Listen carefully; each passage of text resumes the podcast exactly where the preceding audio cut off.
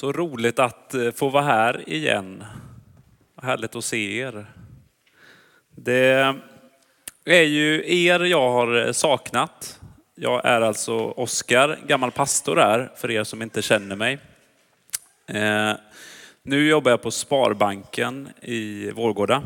Så det är ganska olikt, men vissa likheter finns också med människomöten och att man får hjälpa människor på olika sätt. Och det var ganska länge sedan jag fick frågan att eh, komma hit och predika. Eh, ni som känner Camilla vet att hon är ganska duktig på att planera. Så jag tror jag fick frågan där i maj någon gång och jag slutar ju här i april. Och, och på den här tiden så har jag ju hunnit glömma hur det känns eh, att predika och dagarna innan man predikar. Så men i natt blev jag påmind klockan 05 när jag vaknade och eh, mardröm att eh, jag hade fel predikomanus, den hoppade in hela tiden. Och sen så var det en ungdom som mitt i allt kom och frågade om julfesten skulle vara inne eller ute på parkeringen. Så blev det. Eh, familjen mår bra och det är väldigt roligt att vara här, tycker vi alla. Idag så tänkte jag att vi skulle utgå från, inte evangelietexten som, vi, som jag ofta brukar, utan utgå från Hebreerbrevet. Och Hebreerbrevet är högst troligtvis inte ett brev, utan mer ett tal eller en predikan. Och det skrevs ungefär 80 år efter Kristus. Och så skrevs det antagligen till de kristna i Rom. Och de kristna i Rom, som det här skrevs till, de hade inte en judisk bakgrund. Utan de eh, var kanske de som var hedningar eller de som kom utanför samhället och sen blev kristna. Så de hade inte den judiska bakgrunden. Men så började de bli förföljda och de började tänka tanken att ja, är det så bra att göra det här egentligen? Ska vi inte bara ansluta oss till synagogan eller sluta upp med det vi gör nu? Då slipper vi det här lidandet. Och den här texten eller talet är ett peptalk till församlingen. Att, eh, att liksom påminnas om det här överlägsna budskapet de hade fått höra. Att Jesus dog på korset för alla våra synders skull. Han offrade sig själv för att vägen till Gud skulle vara öppen. För hela mänskligheten. Och med de glasögonen, med den förförståelsen så kan vi nu gå in i texten. Och jag läser från Hebreerbrevet kapitel 10, verserna 32 till 39. Kom ihåg hur det var förr, när ni nyss hade blivit upplysta. Ni utstod många svåra lidanden. Ni blev smädade och förföljda och gjordes till allmänt åtlöje. Eller också så ställde ni er vid deras sida som behandlade så. Ni led tillsammans med dem som satt i fängelse och ni fann er med glädje i att ni blev berövade er egendom. Därför att ni visste att ni ägde någonting bättre och mer varaktigt. Ge inte upp er frimodighet. Den ska rikligen belönas. Uthållighet är vad ni behöver för att kunna göra Guds vilja och få vad han har lovat. Till ännu en liten tid, sedan kommer han som ska komma och han ska inte dröja. Min rättfärdige ska leva genom sin tro. Men om han drar sig undan är han inte längre till glädje för mig. Vi hör inte till dem som drar sig undan och går förlorade, utan till dem som tror och räddar sitt liv. Så författaren här beskriver hur det var förr. Hur det var när de precis hade blivit upplysta. När de var beredda att utstå lidande, mycket lidande. De gjordes till, all, gjordes till allmänt åtlöje. Eller så stod de upp för de andra som gjorde det. När jag läser den här texten så tänker jag på mig själv när jag var 14 år. När jag var ung. Då gick jag runt med en tröja, en gul tröja med ett stort motiv med Jesus. Där det stod Jesus is my homeboy. Alltså jag och Jesus är i samma gäng. Eller jag hade ett synligt kors runt halsen. Och när jag var lite äldre så tatuerade jag mig ett kors på underarmen. I fotbollslaget så var mitt smeknamn Prällen, eller Prästen, eller Pastorn. Kanske är det så att ni känner igen er själva när ni var lite yngre. Eller så kanske ni har sett det bland ungdomsarbete till exempel. När människor bli upplysta. När de får tag på någonting. När de brinner, när de känner att det här är så viktigt. Det här vill jag berätta för hela världen. Vi ska senare få höra en låt, jag ska inte avslöja för mycket, men Go tell it on the mountain. Alltså ställ er på berget och ropa att Jesus är kung. Eller det spelar de i alla fall på innan här i, i morse. De kanske inte kör den här, de ser lite oroliga ut. Men budskapet är detsamma. Ställ er uppe på berget och skrik att Jesus är kung. Kanske känner ni igen att någon har satt sig längst fram med både bibel och anteckningsblock och antecknat precis allting som har sagts i predikan eller i gudstjänsten. Skrivit marginaler i sin bibel. Kanske har ni varit med om att någon frimodigt har frågat, får jag be för dig? Utan att man känner varandra.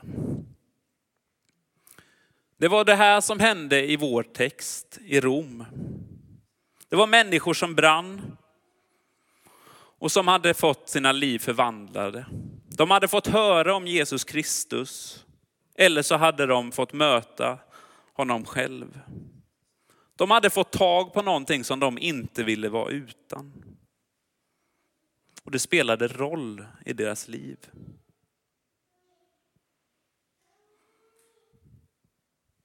Och för att de hade fått möta det här, möta Jesus, så kunde de utstå mycket.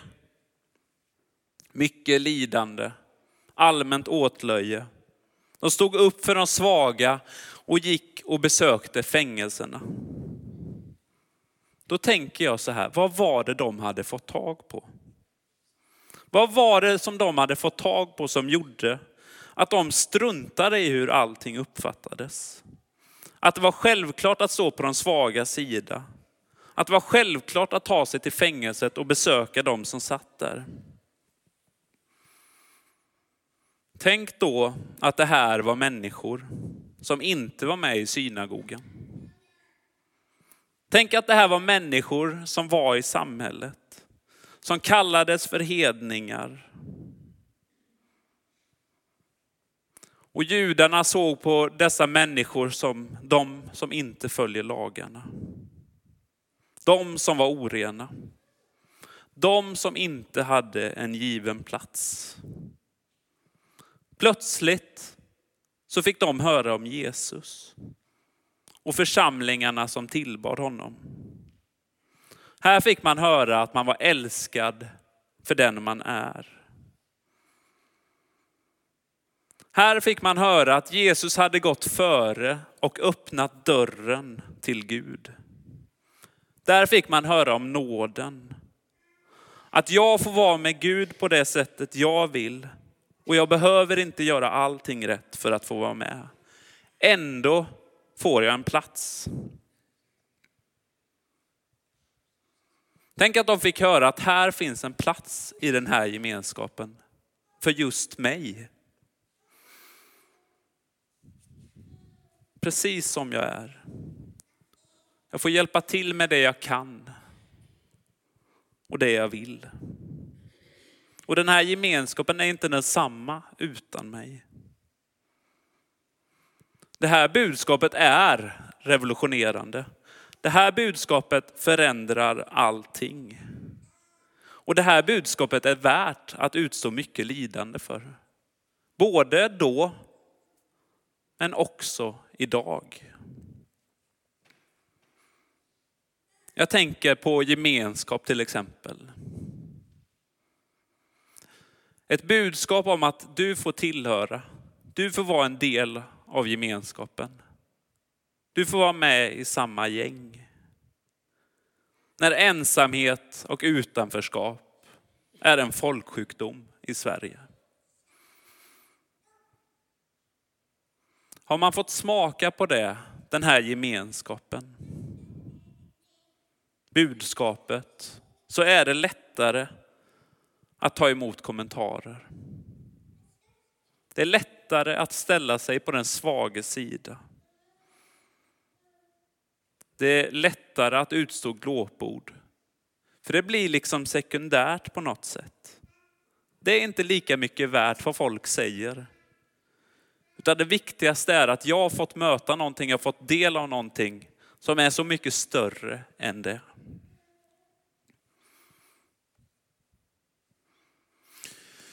Och jag tänker ju såklart på våra bröder och systrar i hela vår värld.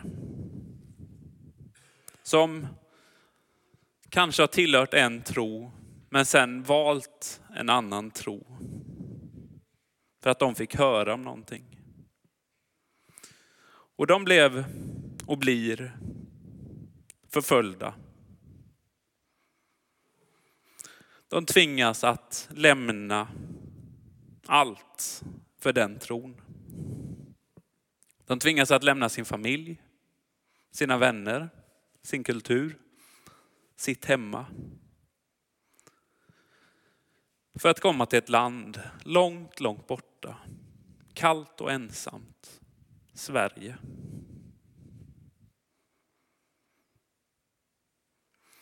De vill inte göra det här. Men de gör det för att de tycker att de har fått tag på någonting som är så viktigt för dem att de kan lämna allt. De riskerar sina liv för sin tro.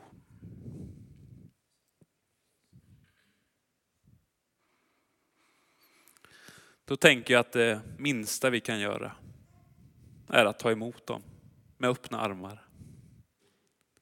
Du får vara en del av den här gemenskapen.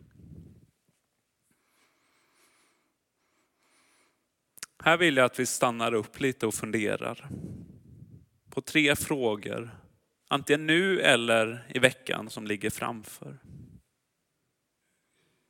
Och den första frågan är, vad är det som jag har fått tag i tron som gör att jag sitter här idag? Den andra frågan är, vad är jag beredd att utstå för den tron? Eller den tredje frågan, vad skulle krävas för att jag skulle tro?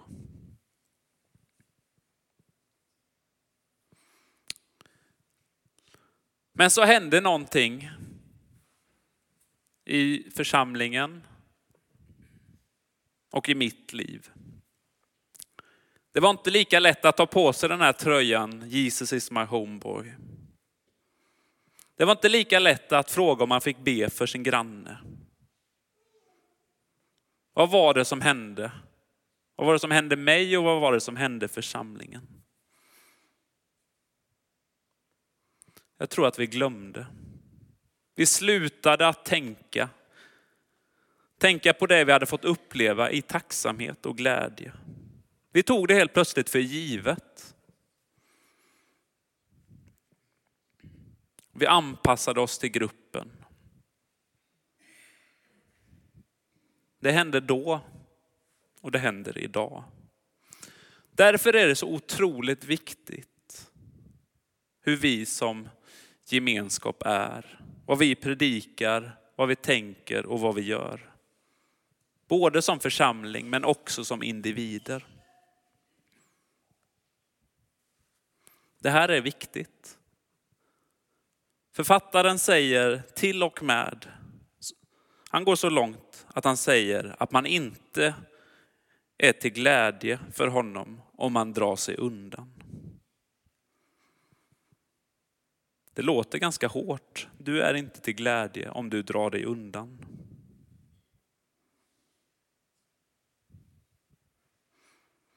Men också ganska logiskt utifrån en uppdragsbeskrivning på en församling. En kyrka och också att vara lärjunge. Tänk om det hade stått så här istället. Ja, men dra gärna er undan. Lev för er själva. Jag tror ju inte att det kan vara så, utan jag tror ju att det måste vara tvärtom. Vi tillhör den här världen. Vi lever i den här världen. Men vi lever inte av den här världen. Vi tror på en Gud som är större än oss själva.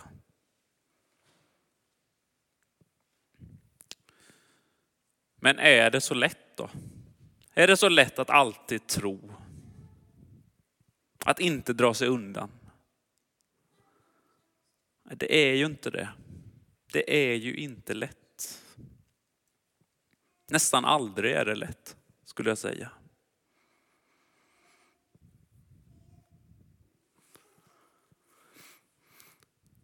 Senare i Hebreerbrevet så står det, tron är grunden för det vi hoppas på. Den ger oss visshet om det vi inte kan se. Jag tycker det här är ett fint textavsnitt. Vi kan ju inte helt säkert veta, men vi kan ju hoppas och tro. Och vi är inte helt ensamma om att inte helt och hållet veta. För senare i texten så börjar författaren rada upp ett gäng gubbar var det. Det var ofta så. Som exempel. Författaren nämner Abraham. Författaren nämner Mose Författaren nämner Noa. Och jag ska inte gå in i detalj på vad alla de gjorde. Men det som är gemensamt för dem är att de fick ett uppdrag av Gud. Och de visste inte helt och hållet. Men sen så gick de ändå i tro. De valde att göra någonting. Antagligen blev de hånade, förlöjligade, under tiden de gjorde det.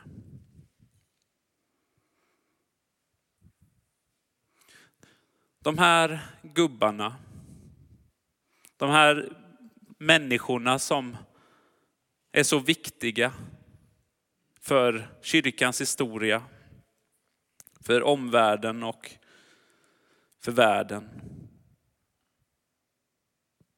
De litade på Gud. De vågade.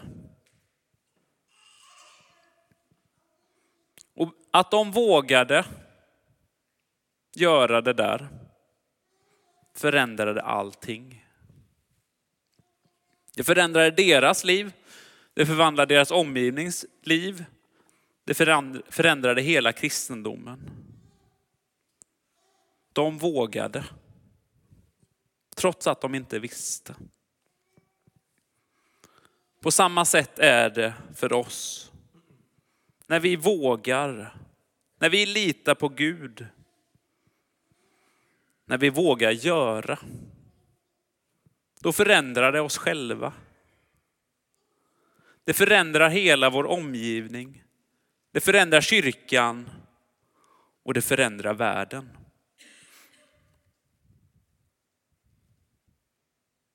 Vi hör inte till dem som drar sig undan, utan vi är de som tror. Vi är de som vågar. I Hebreerbrevet kapitel 10, vers 24 står det så här. Låt oss ge akt på varandra och sporra varandra till kärlek och goda gärningar. Har vi den här grundinställningen, det här fokuset i det vi gör, i det vi är och i de människomötena vi har, om vi älskar varandra, om vi älskar oss själva, om vi älskar Gud och hela vår omgivning. Med tanke, känsla och handling. När vi gör det, när vi skapar kärlek, när vi hoppas och när vi tror. Då är Guds rike nära. Amen. Vi ber. Herre, tack för möjligheten att få tro. Tack för att du Jesus har gjort det möjligt att vara med, med Gud. Tack för att vi får vara med. Tack för att vi får tillhöra ditt rike. Herre, du ser när vi tycker det är svårt och jobbigt att tro. Du ser när vi inte riktigt vet. Du ser när vi drar oss undan. Herre, jag ber att du skulle se på oss med dina goda och förlåtande ögon och hjälpa oss. Hjälpa oss att tro. Hjälpa oss att älska oss själva, varandra och hela vår värld. Tack för att vi får vecka efter vecka höra ordet om dig och utmanas i vårt sätt att leva. Låt det bli, bli till inspiration. Amen.